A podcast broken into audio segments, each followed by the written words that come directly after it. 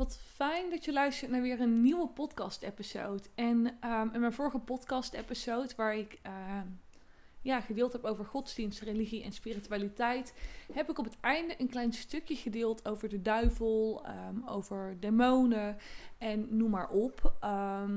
ja, want hier zit natuurlijk ook het een en ander in. nou, ik kom toen nog even terug op de, op de beweging die nu gaande is, van New Age naar God. En daarin wordt heel sterk gedeeld hè, van de duivel is een wolf in, in schaapskleren. Um, demonen ook. Ze trekken een ander jasje aan en je trapt in, in zijn listen. Um, door uh, te denken dat je gidsen je gidsen zijn en je engelen je engelen zijn. Nee, de weg van God en de weg van Jezus, dat is de weg die je moet bewandelen. Als ik ga kijken naar mijn uh, eigen vakgebied en mijn eigen werkgebied, ik ben namelijk werkzaam als therapeut, maar ook als um, paragnost. Dus als paragnost wil dat zeggen dat ik kaartlezingen doe, ik doe huisreinigingen, ik heb uitdrijvingen gedaan. En over dat stukje uitdrijvingen vertel ik later nog meer, want dit is niet met het, uh, met het Heilige Kruis en um, Heilig Water en noem maar op. Uh, maar goed, ik doe zwarte magiereinigingen, dus ik haal zwarte magie weg bij mensen thuis. Dus je kan je voorstellen, als dat je vooral die laatste dingen hoort, zo ook als die huisreinigingen, zwarte magiereiniging en de uitdrijvingen, um, dat ik best wel het een en ander, uh, ja, duistere figuren heb gezien en heb meegemaakt en heb leren kennen. Nu is het zo dat God het goede symboliseert, het lichte, en de duivel het kwade um, en het donkere. God en de duivel zijn ook archetypes. Archetypes zijn oeroude ervaringen die opgedaan zijn door de mens en nu als een zelfstandige energie uh, voortleven binnen in de mens. Zo kan je, als het je boos wordt, de god Zeus kan je oprakelen. Uh, maar we kennen ook die gezegde van, nou, vroeger was ik echt een duivel. Als ik het in ieder geval over mezelf uh, had. Ik, ik, ik, ik ja, nou, ik kon heel goed liegen vroeger. Heb ik ook heel veel gedaan. Ik kon heel veel mensen op het verkeerde spoor zetten. Dat is eigenlijk precies ook waar dat de duivel um, ja, centraal voor staat. Als dat je gaat kijken naar de huidige beschrijving. En toch um, is het niet door en door slecht. En dat is in ieder geval mijn ervaring daarmee. Um, ik vind belangrijk ook hierbij weer dat je vooral zelf blijft voelen. En blijft kijken van wat resoneert met mij. En wat resoneert totaal niet met mij. Hè? Want dat kan natuurlijk ook en dat is allemaal oké. Um, maar goed, laten we beginnen bij het stukje waar dat de duivel eigenlijk um, voor staat. Als dat we gaan kijken vanuit het christendom. In sommige religies wordt hij ook Satan genoemd. of Lucifer. Of gewoon de duivel zelf. En in het christendom is de duivel dus de belichaming, uh, de belichaming van het kwaad. En het is de gevallen engel die tegen, uh, tegen God rebelleerde. En dat komt dan uit de Genesis. En dan staat daar 6 dubbele punt 2 min 4. Ik weet niet hoe ik die uh, cijfers uit moet spreken. En als ik dat goed doe. Um, maar goed, vanuit dat stukje komt het. En dat is ja, als je het dan zo in de Bijbel gaat bekijken of wat dan ook, dan zal het daar wellicht op die manier in staan. Ik heb nooit de gehele Bijbel gelezen, maar ik kan me daar wel wat bij voorstellen. De duivel in het christendom symboliseert ook de slang. Als we gaan kijken naar Adam en Eva. Maar eigenlijk is dit uh, Lilith geweest. En Lilith um, is de eerste vrouw van Adam. Officieel gezien. En als dat je dan gaat kijken, ook weer in dat boek Vrije met God van, uh, van Jacob Slavenburg. Um, staat daar ook in dat um, Lilith in eerste instantie hè, je had man en vrouw, zeg maar. En die waren niet uiteengeschapen. Want Eva is uiteindelijk uit, uit de rib van Adam ontstaan. Um, maar volgens mij waren Adam en Eva toen beide vanuit een stuk aarde of zo. Ik weet het niet precies, dus spin me er niet op vast. Misschien zit ik er helemaal naast nu met waaruit Adam eerst ontstaan is. Maar daar kwam Lilith uit. En um, Lilith is dus toen um, verstoten door God om omdat ze tegen Adam inging. Lilith wou namelijk bovenop zitten tijdens het vrije. Uh, maar Adam was het hier niet mee eens. En uh, vond dat de man bovenop moest en de man moest het macht hebben. Dus daar zat je echt, uh, echt ja, de energie van het patriarch. Dat zie je nu ook hier in de huidige maatschappij. het, is heel, het wordt echt door mannen gere geregeerd. Als je gaat kijken naar het paradijs, daar is echt het matriarch. Dus het wordt door, door de vrouwelijke energie en door de flow geregeerd. En door het voelen. Het is een beetje ehm, ja, je kan het zien als, als de baarmoeder waar een kind in groeit. En het moment dat ehm, uiteindelijk dus Eva uh, in de list trapte van Lilith, van de slang. En dus van de boom at, de appel at, de boom van goed en kwaad. Waar God van zei, daar mag je niet van eten. Want daar zaten kennelijk allemaal waarheden in en dat soort dingen allemaal. Ehm, toen kwam er eigenlijk pas het ik-besef. Dus het besef van het ego. Hè? Van ik ben ik en jij bent jij. En hè, niet meer van... Daarvoor was er, was er geen ik en jij. Het, het was één. Nou, en dat is het moment dat Adam en Eva uit het paradijs gedonderd zijn. En dus met twee voeten hier op aarde kwamen. Ehm, de reden waarom ik dit vertel ben ik heel, heel even kwijt. Uh, maar ik vond het wel ook belangrijk om te delen, is omdat heel veel dingetjes worden verdraaid. En dat zie je ook bij de duivel. En wat dat is wat ik wou zeggen, is dat het donkere, het duistere, is niet door en door slecht. Um, ja, goed hè, als je kijkt vanuit het christendom dat hè, en soms schrijft de duivel als ze gevallen engelen tegen God rebelleerden. Ja, dat kan allemaal wel. Um, maar er is ergens een goed en een kwaad um, ontwikkeld. Ontstaan. Dat, dat kan niet anders. Want als mens zijn heb je beide ervaringen nodig. In uh, alleen maar licht en liefde, daar zit ook geen groei in. Terwijl dat in dat donkere stuk, die dat wij ook bezitten als mens zijn en wat hier ook op aarde is, daar zit de les in. En als dat je alleen maar in die wereld van licht en liefde zou dwalen, dan zit je heel erg, denk ik, ook in je psychotische stuk. Dat wil niet zeggen dat je een psychose hebt, maar is alleen maar het gevoel en niet goed kunnen landen en een beetje in die droomwereld leven. Uh, waardoor je inderdaad niet met beide benen op de grond staat. Het grappige wat ik altijd vind, zodra dat ik over het duister begin te praten, dan kan ik alle kanten op gaan schieten. En dan um, word ik af en toe ook een beetje geremd. Want ik weet dat die kant het niet leuk vindt om uh, open en bloot, zeg maar, aan het licht gesteld te worden. Um, want als ze zichzelf willen laten zien, laten ze zichzelf wel zien. Uh, maar ik merk dat dat weer een beetje gemanipuleerd wordt vanuit die zijde nu. Dus um, nou, mocht alle kanten op gaan schieten, dan bij deze alvast sorry. Ik ga het proberen om het in één uh, rode draad te laten verlopen. Als ik um, ga kijken naar mijn allereerste ervaring met het uh, donkere, met het duistere. Ik weet nog dat ik toen in, um, ik zat toen in groep 5. Dan zat ik met meester Mark, zat ik toen in de klas. Super toffe leraar. En um, nou ja, ik was in diezelfde groep, was ik er ergens ook wel achter gekomen dat ik een nieuwe tijdskind was. Meen ik, ik weet niet meer precies in welk jaar dat dat was. Um, maar dat even terzijde. Nou, ik weet nog wel goed, dus ik zat in groep 5, we waren de film Kruistocht en Spijkerbroek aan het kijken. En in één keer zie ik de deur van de klas opengaan via de deurklink. En in eerste instantie zag ik niet wat dat daar was. Daar kwam ik later pas achter. En ik voelde wel dat het heel duister voelde en dat ik gewoon echt ontzettend bang was voor dat wat ik had gezien. En ik, ben, ik weet nog dat ik huilend naar de wc uh, gelopen ben toen. En daar zag ik dus ook het wezen. Het was echt een, een, een pikzwart wezen. Um, het liep rond. Ik zou het eigenlijk moeten tekenen, maar ja, mijn podcast is via audio, dus dat gaat een beetje moeilijk. Uh, maar het had rode ogen. En ik wist al gelijk, dit, uh, dit voelt niet goed. Ik merkte ook dat het me helemaal leeg zoog en helemaal leeg trok. Um, ik was toen niet echt met spiritualiteit bezig, want ik was alleen maar bang voor dat soort dingen. In het huis waar ik woonde, daar uh, hing ook van alles. Toen de tijd nog. Um, dus ik, ik, was vooral een beetje bang daarvoor. En nu denk ik, ja, ik ben er nu niet meer bang voor, weet je wel. Van, maar toen wel.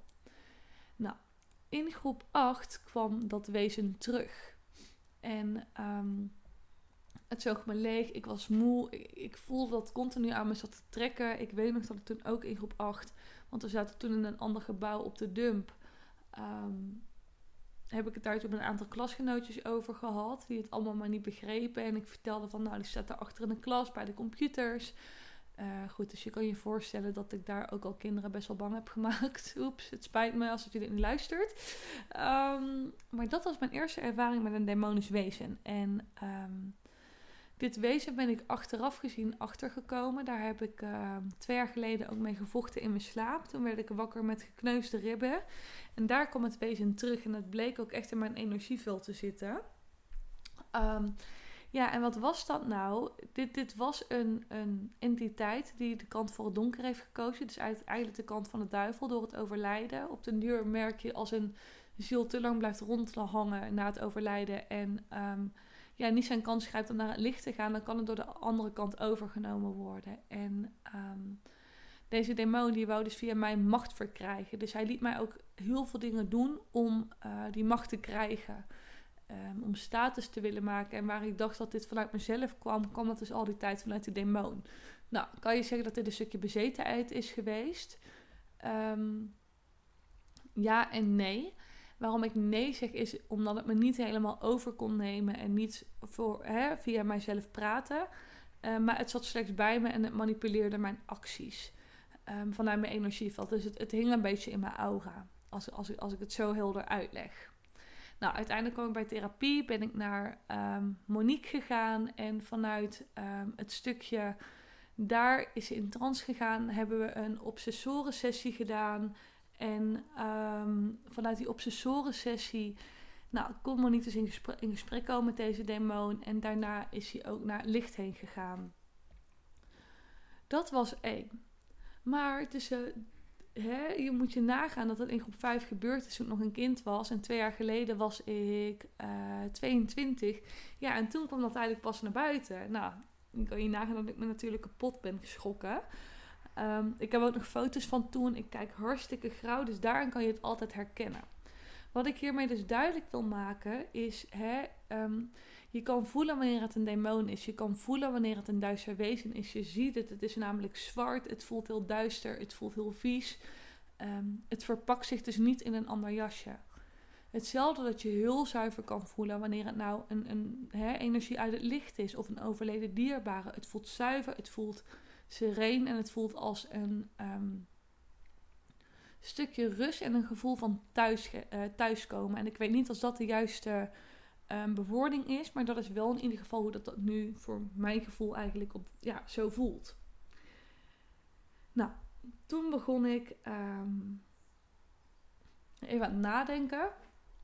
Nee, ik ga eventjes terug nog even naar Bali. In Bali ben ik namelijk voor het eerst in aanraking gekomen met en magie. Um, dit is toen op heel het kinderthuis gedaan. Ik ben daar toen heen gegaan uh, omdat Theo plotseling overleden was. Um, en mijn gevoel zei toen al, er is zwarte magie op Theo gedaan. Ik kwam in Bali aan, ik had al het geld bij elkaar geleend. En um, dat is inmiddels nu denk ik vier jaar geleden alweer, of vijf jaar geleden zelfs denk ik. Nou, en ik kon daar zijn. Ik had me daar verslapen. Blondie, de chauffeur, die had me wakker geprobeerd te bellen het hotel. Niemand kreeg me wakker, dus dat was al raar, want dat heb ik daar gewoon nooit gehad. Um, ik stapte in de auto toen bij Blondie. Dat was de chauffeur van Gert en Theo. En uh, het eerste wat Blondie tegen me zei van... I don't know if you believe in this, uh, Raja. Dat, um, of Ratu zei hij. Ik noemde, ik hem altijd Raja en hij noemde me Ratu. Dat betekent koningin. Het is gewoon een dingetje van ons. Dus hij zei van... I don't know if you believe in this, Ratu. But um, black magic, black magic. En toen had ik al het gevoel van... Dit was de reden waarom ik daar naartoe moest ik heb nooit daar rust in kunnen vinden. Dus ik ben toen ook naar Monique toegegaan. Uh, uiteindelijk in de therapie. Om daar helderheid op te krijgen. Um, Theo heeft gezegd dat dit niet het geval is geweest. Maar als ik alles um, na ga lopen en ga blijven kijken, voelt het voor mij ook een stukje vanuit Theo om mij gerust te stellen, zodat ik het los kon laten. Want het moment dat ik daar kwam, is er op mij zwarte magie gedaan. In het kinderthuis is zwarte magie gedaan. Dat heb ik toen samen met Choblong Um, zijn we daarachter gekomen, heb ik hulp van Choblong ingeschakeld. Kinderen werden ziek. Eén uh, iemand tot echt bijna um, ja, dood. Het was gewoon onwijs heftig. En ik heb daar ook van allerlei duistere energieën gezien toen. Um, ik weet nog toen dat uh, het op mij gedaan was. Dat iedere keer wanneer ik over die man aan het spreken was, waarvan ik dacht dat hij dat gedaan had toen der tijd, Um, dat mijn tong verdoofd begon te raken en mijn keel uh, werd dichtgeknepen. En uiteindelijk richting de avond werd dit zo heftig dat ik uh, geheugenverlies kreeg. Dus alles wat ik daarover wou vertellen, dat, dat wist ik niet meer. Ik was in één keer als ze dood voor honden daar, terwijl ik zo nooit bang was voor honden. Ik was daar bang voor één hond in Bali, maar die zat in een andere straat. Dus ik ben toen ehm, ja, half van een rijdende scooter afgesprongen. En uiteindelijk ben ik toen door iemand anders naar Choblong gebracht. En daar heb ik dus, uh, ja, is witte magier. Dus ja, dat noemen ze daar zo. Maar het is eigenlijk ook gewoon een healer. En hij heeft het daar letterlijk ehm, uit mij moeten trekken. En ik kan me herinneren dat dit enorm pijnlijk was. Ik was daarna ook echt enorm moe. En wat hij me toen heeft geleerd, en dat is me altijd bijgebleven, en dat geef ik nu dus ook door aan uh, cliënten die hier een lifter hebben of een demon bij zich hebben plakken, of uh, klanten die te maken hebben hè, met entiteiten in huis of met zwarte magie, is angst voed. Angst komen ze op af. Angst is een trigger om in je energieveld te komen. En zolang dat jij niet bang bent voor dat stuk, in ieder geval voor de duivel, voor de demonen uh, en noem maar op, kunnen ze je niet meer manipuleren. Er is op dat moment gewoon geen doorgang. Nou, dat heb ik altijd in mijn achterhoofd gehouden. Uiteindelijk hebben we daar toen ook het huis gereinigd met uh, water uit de zee. Dat moesten wij toen bij uh, zonsopgang moesten we dat toen gaan verzamelen. Um, en toen heb ik samen met Baroni heb ik, uh, ja, dat, dat huis gedaan en nog een paar vrijwilligers. En we hebben dat allemaal gewoon goed in de gaten gehouden. Nou, als het nu wel of niet gebeurt, is mijn gevoel zegt van wel. Monique heeft wat anders doorgekregen. Uh, maar goed, daar, ik heb er nu al gewoon berusting in. Ik weet wat daar toen gebeurd is en ook met de kinderen. En dat zelfs de kinderen het zeiden en er bang voor waren. Um, nou, eventjes verder de tijd in. Um, uiteindelijk kwam ik terug uit Bali uh, toen de tijd. Toen heb ik een... Uh, ik weet niet als ik toen terug in... Toen had ik in Nederweert woonde, was ik toen in Weert wonen. Maar toen kreeg ik dus een berichtje uh, van een meisje wat ik kende. Daar was zwarte magie gedaan um, ja, op haar vader. En dat vermoedde ze in ieder geval. Ze vroegen als ik dat weg kon halen en als ik daarop in kon voelen. Nou, ik had het nooit eerder gedaan. Het enige wat ik zeg maar mee kon nemen was dat wat ik van Choblong geleerd had in Bali. En um, verder was het puur en alleen vertrouwen op mijn gidsen, op mijn beschermengelen die me daarbij geholpen hebben. Nou, ik had heel het huis had ik gereinigd met sali. Dat doe ik overigens op een uh, shamanistische manier. Um, ik heb lichtpilaren in de hoek gezet, maar het voelde nog niet af. En um, nou, uiteindelijk kwamen we dus tegen en daar stond een beetje van dat, ja, leek echt op van dat duivelsgeschrift stond daarin. En uh, ik weet nog, die allereerste keer, toen raakte ik echt een beetje in paniek. Omdat ik ook, je weet wel, dat hele felle, schelle geluid dat je dus in een horrorfilm hoort. Dat hoorde ik dus um, in, mijn, in mijn oor. Dat, dat stukje helderhorendheid kwam. En ik dacht, dit moet weg. Dus ik ben toen op mijn sokken uh, naar buiten gerend. Ik heb dat in de struik gegooid. Ik heb haar om een uh, vuilniszak gevraagd. Want ik heb geleerd dat als ergens zwarte magie eigenlijk op gedaan is. En um, om, dan e om dat niet met je handen aan te raken door plastic of wat anders kan het niet doorheen komen. Dat, daarom wordt er ook heel vaak edelstenen in plastic zakjes gestopt. Omdat de energie dan nog um, bij die steen blijft en niet alle kanten op gaat nadat je hem gekocht hebt. Um, maar goed, dat terzijde. En toen hebben we het verbrand op een bruggetje aan het water. En ik weet dat je nooit zomaar daar iets van mag uh, verbranden. Maar ik werd toen echt geleid om dat te doen. En toen was het ook weg. Um, die vrouw die dat gedaan had, die had ook iets bij hun uh, poort van de tuin gedaan. Nou, dat heb ik gereinigd met uh, Himalaya zout en kokend water. En uh, daar heb ik een steen in de grond begraven. Dat was toen een shungiet, was dat toen wat ik daarin heb gestopt. En ik heb toen zeg maar die mensen een tijdje de nuemiet bij zich laten dragen. Omdat een dat zit je helemaal dicht. Maar daardoor komt de zwarte magie ook niet meer binnen op dat moment. Nou, dat is een tijdje goed gegaan. En um, toen heb ik een tijdje in Culemborg gewoond. En um, toen ben ik dus een paar keer die vrouw tegengekomen. En we hebben toen recht oogcontact gehad. Alsof dat we wisten wie, hè, wie, wie dat we waren. Maar zo heb ik ook andere zwarte magie klussen gehad. En toen kwam van het ene kwam het andere. En um, nou, goed, dat werd dus zo een beetje rondgepraat. En ik heb dus echt gemerkt dat het overal anders is hoe dat gedaan werd. Bij de ene was het met een stukje voodoo, de andere was uh, guna guna. Uh, dus ik ben me ook gaan verdiepen in wat voor soorten magie-soorten dat er zijn en op wat voor manieren dat het gedaan worden of gedaan wordt. Ik ben bij mensen thuis geweest waar uh, op afgestuurd zijn, waar Jorka's op afgestuurd zijn. Dat is dan weer meer vanuit die Surinaamse cultuur. Um, die ook hartstikke gevaarlijk zijn. Die kunnen namelijk echt, die komen echt voor dood en ongeluk en verderf. Maar je hebt dus verschillende wezens daarin. Bij die bakgroet toen, bij die soorten magiereiniging. Ik heb hier een alien uh, kristallen schedel staan van Mokaït. En een uh, drakenschedeltje van, uh, volgens mij uit mijn hoofd, Calcedon. En um, het Michael kristal of zo. In ieder geval een hele hoge spirituele steen. Die heb ik toen meegenomen. En um, ik heb toen een tijdje met mijn ex gepraat. En hij zei, nee meer, dat moet je niet doen. Reis meenemen, want dan kan je achterna komen. Ik had toen met een andere Surinaamse vriendin gesproken. En die zei ook van, nee, doe dat niet. Ben nou voorzichtig. Want normaliter heb je daar of een andere bakrol bij nodig om die weg te krijgen. Of, um, hoe heet dat? Een, uh, een, een noemen ze dat. Daar heb je daarvoor nodig. Maar op de een of andere manier, ik kreeg hem ingesloten toen ik hem zag met die schedels. En hij kon er dus niet meer langs. En zo ben ik dus echt gaan ervaren dat edelstenen zo'n prettige hoge trilling hebben, waardoor het duister eigenlijk ook niet echt voorbij kan. En als dat je dan gaat kijken naar die van die New Age naar God uh, beweging, dan wordt daar verteld hè, van God, is allemaal duivels, maar het houdt eigenlijk het donker buiten. En vandaar dat ik dat dus ook allemaal tastbaar voor mezelf had kunnen maken. En als ik dat niet had kunnen maken, voor, tastbaar had kunnen maken voor mezelf, dan was ik misschien ook um, zwakker in dat stuk geweest om daar makkelijker in mee te gaan. Nu zeg ik niet dat hun zwak zijn, maar ik kom even niet op een andere benaming. Nou, vervolgens heb ik daar dat stuk gereinigd en ik zag die bakroe zeg maar als vuurwerk in de lucht kapot springen. En ik heb achteraf ook gehoord van hè, Um, hij is niet terug naar, naar de eigenaar heen gegaan. Hij was gewoon volledig weg en het was daar gewoon goed.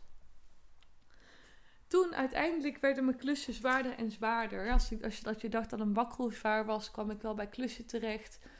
Um, ja, waar dat je zeg maar, waar dat ik uitdrijvingen moest gaan doen.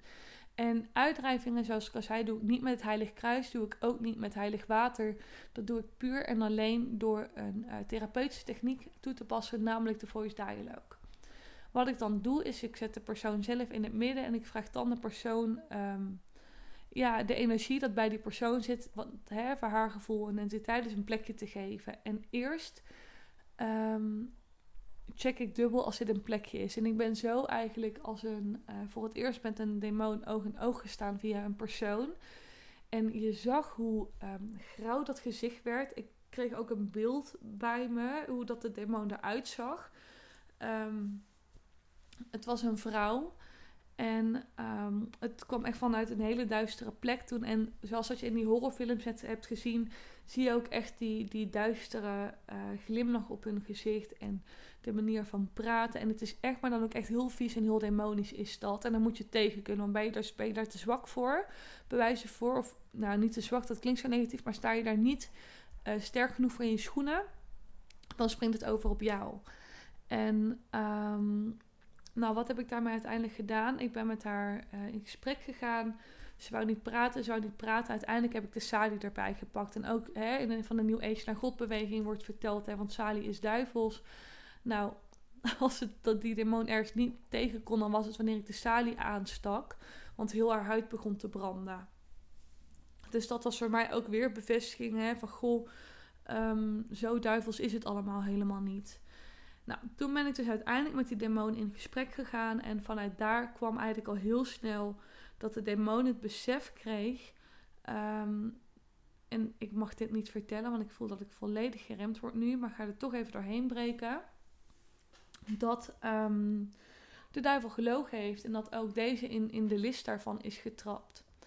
Toen ik uh, haar vertelde, dus het demonisch wezen, dat zij ook een lichtje in zich had of heeft en dat ik daar dus ook in geloof, kon ze er contact mee maken. En werd, ze eigenlijk heel erg boos op haar uh, zielenouders, om het even zo te noemen, of demonische ouders, hoe dat je het ook wil noemen. Toen vertelde ik haar van wat als ik je vertel dat je naar een uh, mooiere plek heen kan gaan, waar het, waar licht is, waar het liefde is, waar dat je kan bijkomen, waar dat een zielengroep voor je is die um, eerlijk tegen je is en er voor je is, zonder vast te zitten in die leugens, deze lis en het bedrog en deze duister. En dat wou ze heel erg graag. Toen heb ik haar geholpen, de demon, om van het donkere af te komen. Uh, onder andere met Sadi. En ja, dat heeft even gebrand. Uh, maar uiteindelijk voelde ze dat ze licht werd en ik zag ook die, uh, het grauwe wegtrekken. Ik zag de grijns wegtrekken en ik zag daar in één keer een heel lief meisje zitten. Toen heb ik gezegd dat ze, hè, dat ze mocht visualiseren dat er een lichtbaan naar beneden kwam. En als dat ze daar boven haar zielgroep zag staan en die zag ze. En op die manier um, kon ze zich aansluiten ja, in de hemel of in het hiernamaals. In ieder geval bij haar nieuwe zielgroep. En dat was voor mij het besef van, hé, hey, wij als mens worden zo intens bang gemaakt voor het donker. Maar ook in het donker, daar zit een lichtje in. En je hoeft die demon maar contact te laten maken met dat lichtje. En ja, ze worden ja, niet omgetoverd, maar ze transformeren. Ik denk dat dat het juiste woord is. En dat was gewoon heel erg bijzonder. Maar vanuit daar kwam mijn, eigenlijk mijn eerste aanraking met de duivel. Want ik was toen uh, best wel ver weg. Ik moest nog bijna, ja, pak een beetje, hoe lang was het rijden? Anderhalf uur of zo moest ik nog naar huis rijden. En het begon al uh, redelijk donker te worden. Ik merk ook dat ik helemaal buiten, buiten adem begin te raken nu dat ik hierover praat. Um, is ik rijd naar huis en hier in Eindhoven op de weg heb je zo'n kleurenbrug. Op de A2 is dat. En bij die brug heeft altijd een hele duistere sfeer gehangen. En ik heb nooit begrepen waarom dat die sfeer daar, eh, ja, daar zo bij die brug aan het hangen was. Ehm, maar toen werd het duidelijk, want ik had natuurlijk um, een van ja, de duivelse demoontjes uh, laten transformeren in een lichtwezen. En um, ik kijk in die pilaar en ik ben aan het rijden en ik zie daar in één keer heel grote duivel zelf in staan. En ik zag hem echt met die, uh, echt met, met die geitenpoten, met die bokkenpoten, geitengezicht. Ik zag uh, zijn horens en vleugels en het, het was echt een heel vies beeld. En ik zie dat hij kijkt naar mij op de snelweg en ik zag hem vanaf een afstandje al. Dus ik knipper een keer met mijn ogen en ik voel al, oké, dit is niet best. Dus ik, hoe dichterbij ik kwam, hoe meer zeg maar de duivel zelf Ehm, met zijn hoofd mij aan het volgen was. En ik voelde gewoon, hij is boos op mij. Dus ik ben een tijdje met hem in een soort van uh, conflictstrijd geweest. Nou, uiteindelijk ben ik heel hard doorgereden, want ik dacht van, we gaan dit niet doen nu. En ik kwam thuis en een dag later zat hij bij mij in huis. En um, ik ben Meerte niet als ik zeg dat ik me overal doorheen bluf bij heel veel dingen. Dus ik heb toen puur en alleen mijn um, gids om hulp gevraagd. En ik ben tegen de duivel gewoon gezegd van luister, ik heb niks voor je. Ik werk niet voor jou. Ik werk voor het licht. Ik ben één met God. Um, ik heb mijn gids en mijn lichtteam achter me staan. Dus ga weg en ga gewoon doen wat je moet doen. Maar niet bij mij, want je hebt niks te zoeken hier. En dat heb ik niet zo netjes gezegd zoals ik het nu in deze podcast-episode vertel. Um, maar op die manier is hij weggegaan en nooit meer teruggekomen. En waarop ik dat eigenlijk kan bevestigen is, op de een of andere manier um, voelt hij dat ik sterk sta en durft hij niet meer. En natuurlijk zie ik nog wel eens demonische wezens, regelmatig nog. Maar als ik ze vertel dat, dat, ze, dat ze moeten vertrekken, dan gaan ze. Want ze weten dat ze hier niks te zoeken hebben. Ik had laatst een cliënt hier en uh, die zat hier en die zegt meteen mij van Meert, ik zie de duivel achter je staan. Ik, ja, ik voelde dat hij hier was. Uh, maar die zit niet bij mij op dit moment. Nou, het blijkt toen dat hij echt een, een week met hem mee is gegaan, met die cliënt van mij. En um, toen zat hij dus weer hier en toen zei ik tegen hem: Let op wat er nu gaat gebeuren. En ik vertel tegen hem: Van luister. Um, dit mag ik ook weer niet vertellen, maar ga ook hier weer doorheen breken. Um, vanaf nu mag hij van mij niet meer met je meelopen, want anders krijgt hij een probleem met mij. En vanaf dat moment werd hij weer wat ontspannender. De, sfeer hier werd weer licht. Het werd weer stil hier. Het werd weer licht hier in mijn uh, ruimte waar, waar dat ik werk. En hij was weg. En sindsdien heeft hij er geen last meer van gehad. En wat ik eigenlijk het doel heb van waarom ik dit op deze manier met je deel, is om die hele overtuiging van hè, de duivel en demonen die komen, hè, zijn wolven en schaapskleren, daar kom je niet van af, die komen in een ander jasje, kan ik met deze hele podcast-episode ontkrachten. En ehm, het is niet specifiek daarvan het doel, maar het is wel om een bewustwording te scheppen en te creëren van ben er nou maar niet bang voor, want hoe positiever dat je ernaar kan kijken en hoe minder bang dat je ervoor bent, heeft het ook geen grip meer op je. En dat is denk ik ook hiermee de hoofdboodschap. Dus ben, ben er vooral niet bang voor. Kijk er vooral ook niet voor weg. Ervaar dat het er is. Accepteer dat het er is. En ga vanuit daar gewoon verder kijken. En laat je niet wijsmaken dat het in een ander jasje komt. Want ze willen gezien worden, ze willen macht hebben. En om macht te hebben moet je gezien worden, anders kan je niks uitoefenen. Nou, ik denk dat ik hem hier even bij ga laten voor nu. Want ik merk dat er ook veel meer weerstand komt. Het is echt een algemeen bekend gegeven, zoals ik net al zei. Het moment dat ik op deze manier over uh, de duivel en zijn demonen begin te praten, dat er heel aan alle kanten aan me getrokken wordt. Um, ja, dus ik ga hem hierbij afsluiten.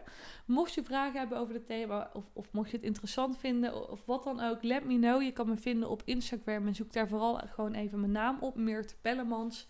Ik zal hem ook even bij deze keer in de beschrijving van de podcast neerzetten, dat je gelijk op het linkje kan klikken. En um, ja, wederom bedankt voor het luisteren weer en tot de volgende podcast.